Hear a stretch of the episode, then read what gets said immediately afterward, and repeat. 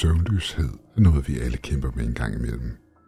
Hvad enten det er på grund af spænding eller nervøsitet, så bliver vi en gang imellem nægtet adgang til søvnens rige.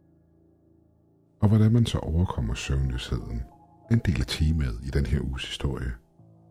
Selvom de oplevelser, hovedpersonen kommer ud fra, ikke ligefrem fremmer søvnens behagelige fagntag.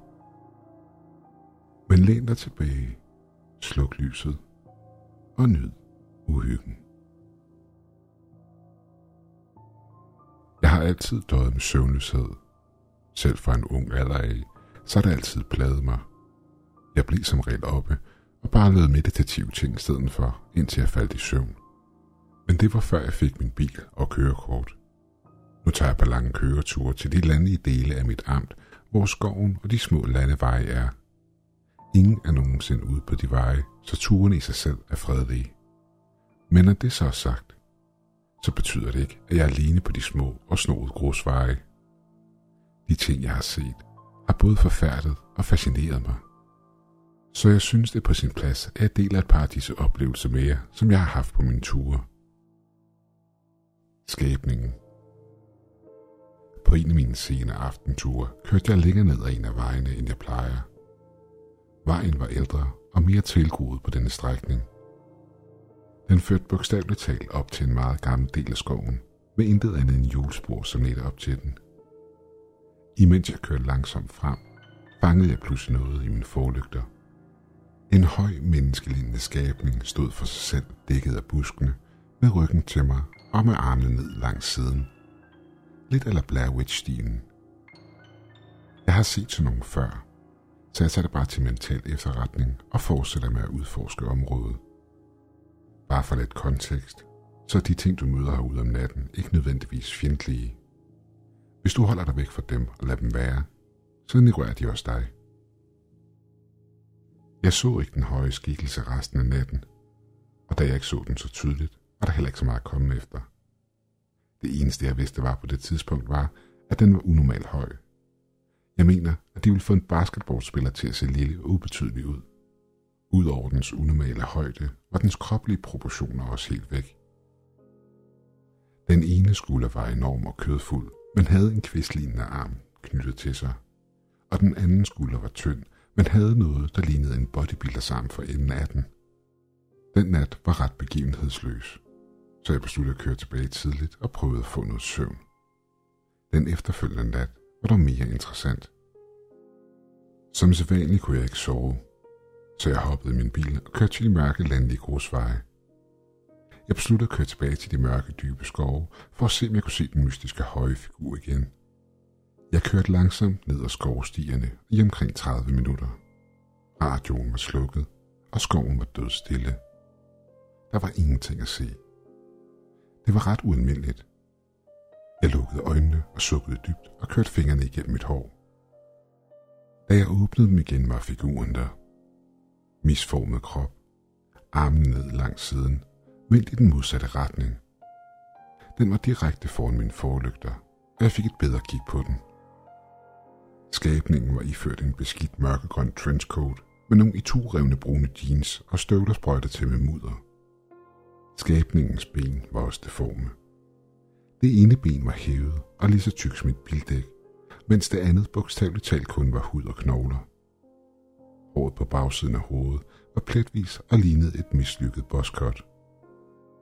Den strakte sin tynde arm ud, som om den gjorde klar til at pege på noget ud til siden. Figurens hænder lavede fingersakse, der åbnede og lukkede sig. Jeg sad der fuldstændig i chok. Mit hjerte sank med en erkendelse. Den hånede mig. For et stykke tid tilbage i skolen blev jeg mobbet af de her røvhuller, der kaldte mig snipsnip. -snip og konstant lavede den samme saksebevægelse med fingrene. De kaldte mig det, fordi jeg var transkønnet. Jeg fnyste i vrede og gjorde tegn til, at skabningen skulle flytte sig til siden. Dens ryg var vendt imod mig, så den så ikke på mig. Jeg havde den største lyst til at køre den her skabning over, men jeg kom i tanke om mit eget råd. Hvis du lader dem være, så lad de også dig være. Så det endte med, at jeg kørte rundt om den – men jeg tog ikke kigge tilbage i bagspejlet for at se dens ansigt.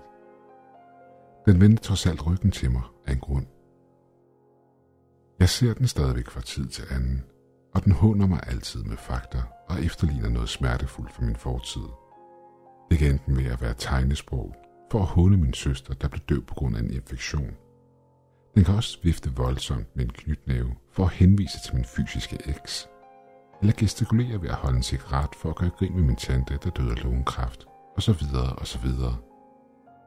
Den tingest irriterer mig mere end noget andet. Men den muterede krop skræmmer mig dog. Æderen. Æderen er ret almindelig at se på disse veje om natten. Mit første møde med den var ligesom alle de andre gange. Jeg ser tingen. Den er semi-menneskelig med kulsort hud og en meget overvægtig ramme. Den går på alle fire som en gorilla. Den har små klør som hænder. Dens ansigt er som en ile med døde, glaserede øjne på siden af dens hals, samt en lang sort tunge. Jeg vil se den tidligt på mine ture. Æderen sidder sædvanligvis sammenkrøbet over et lig af et dødt dyr med en lunds af kød i sine små hænder. Æderen slikker bare kødet med sin store sorte tunge, som den bruger til at samle blod og safter fra kødet op med. Jeg tror ikke, den jager. Det er mere en slags ådselsæder. Skabningen er meget føjelig og bliver lidt nysgerrig, når jeg kører forbi. Den kommer dog ikke tæt på. Nogle gange smider jeg madrester, jeg har liggende ud til den i det høje græs. Men stadig vil jeg ikke røre den. Heller ikke, hvis du betaler mig for det. Lev og lad leve af, hvad jeg har lært af de her steder. Den hudløse. Den hudløse er en af de mere farlige ting herude i skoven. Hver gang jeg ser hende, vender jeg bilen om og kører direkte hjem.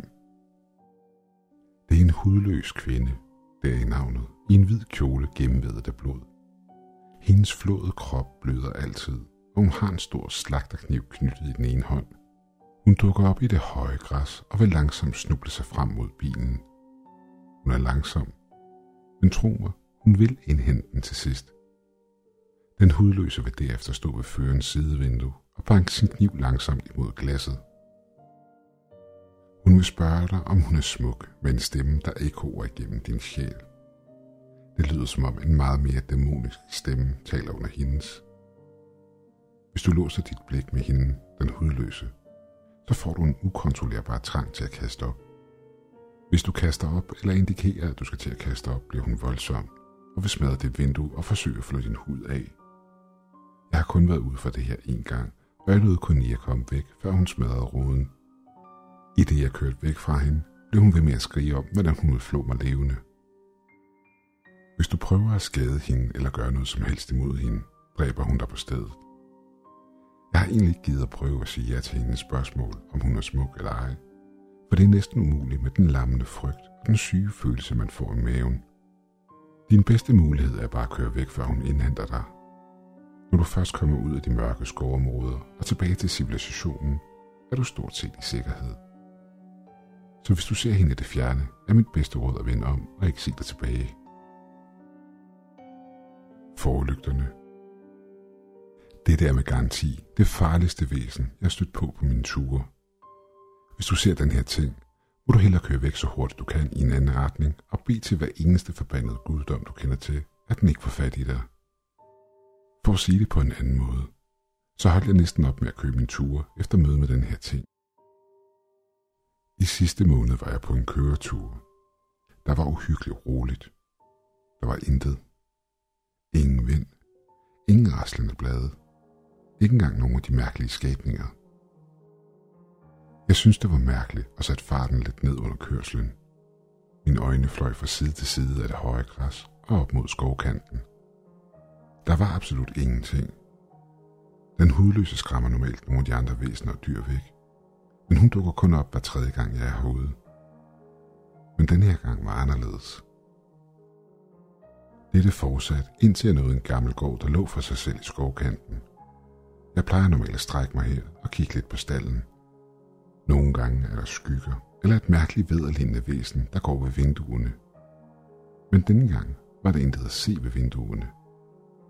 Mærkeligt nok gjorde fraværet af de forfærdelige skabninger var en smule mere nervøs. Det var her, jeg så den. To enorme forlygter blændede mine øjne som to sole. Jeg hørte den bullerne sprutten fra en beskadiget motor. Foran mig stod en lastbil i 1940'erne stil, malet helt sort. En følelse af en forestående død faldt over mig som et makaber tæppe, og jeg fumlede hurtigt med gearet for at sætte min bil i bakgear. Jeg skreg vildt, da et skrig brød ud inden fra lastbilens gennemborende nattemørke. Skridet var ikke af denne verden. Den rev al glæde, jeg havde mit hjerte ud, og forsvandt i den stjerneløse nat. En tanke skød igennem mig. Uanset hvad der drev den ting, var det ren ondskab. Det var en gammel ondskab. Lastbilens motor brølede, i det den kørte efter mig. Jeg var i bakgear. Jeg havde ikke tid til at vende mig om, ellers ville den afskære mig og støde ind i mig. Til mit held nåede jeg en lysning, hvor jeg kunne vende rundt ved at lægge al min vægt i og dreje på rattet. Jeg speedede ned af de glemte vejstrækninger, imens lastbilen var lige røven på mig. Min radio kom til live med et gennemtrængende brøl af statisk elektricitet. Den afspillede en lyd, der stadig hjemsøger mig den dag i dag.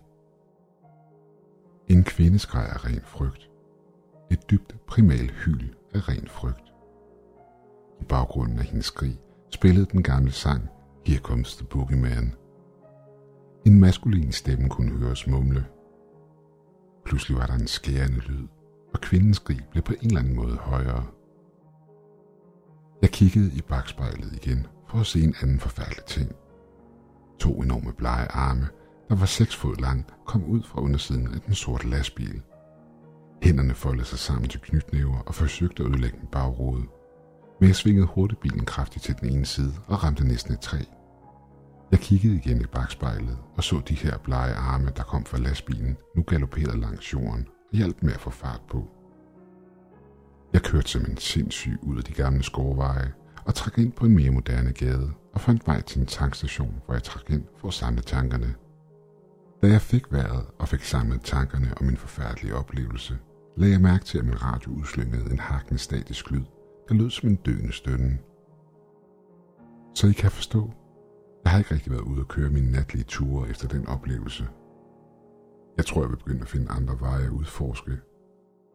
Men hvis du selv overvejer at udforske disse øde skovveje, så husk at smide noget kød i vejkanten. Hold øje med den hudløse. Og for guds skyld, så må du love mig, at du holder dig langt væk fra den gamle forladte lade.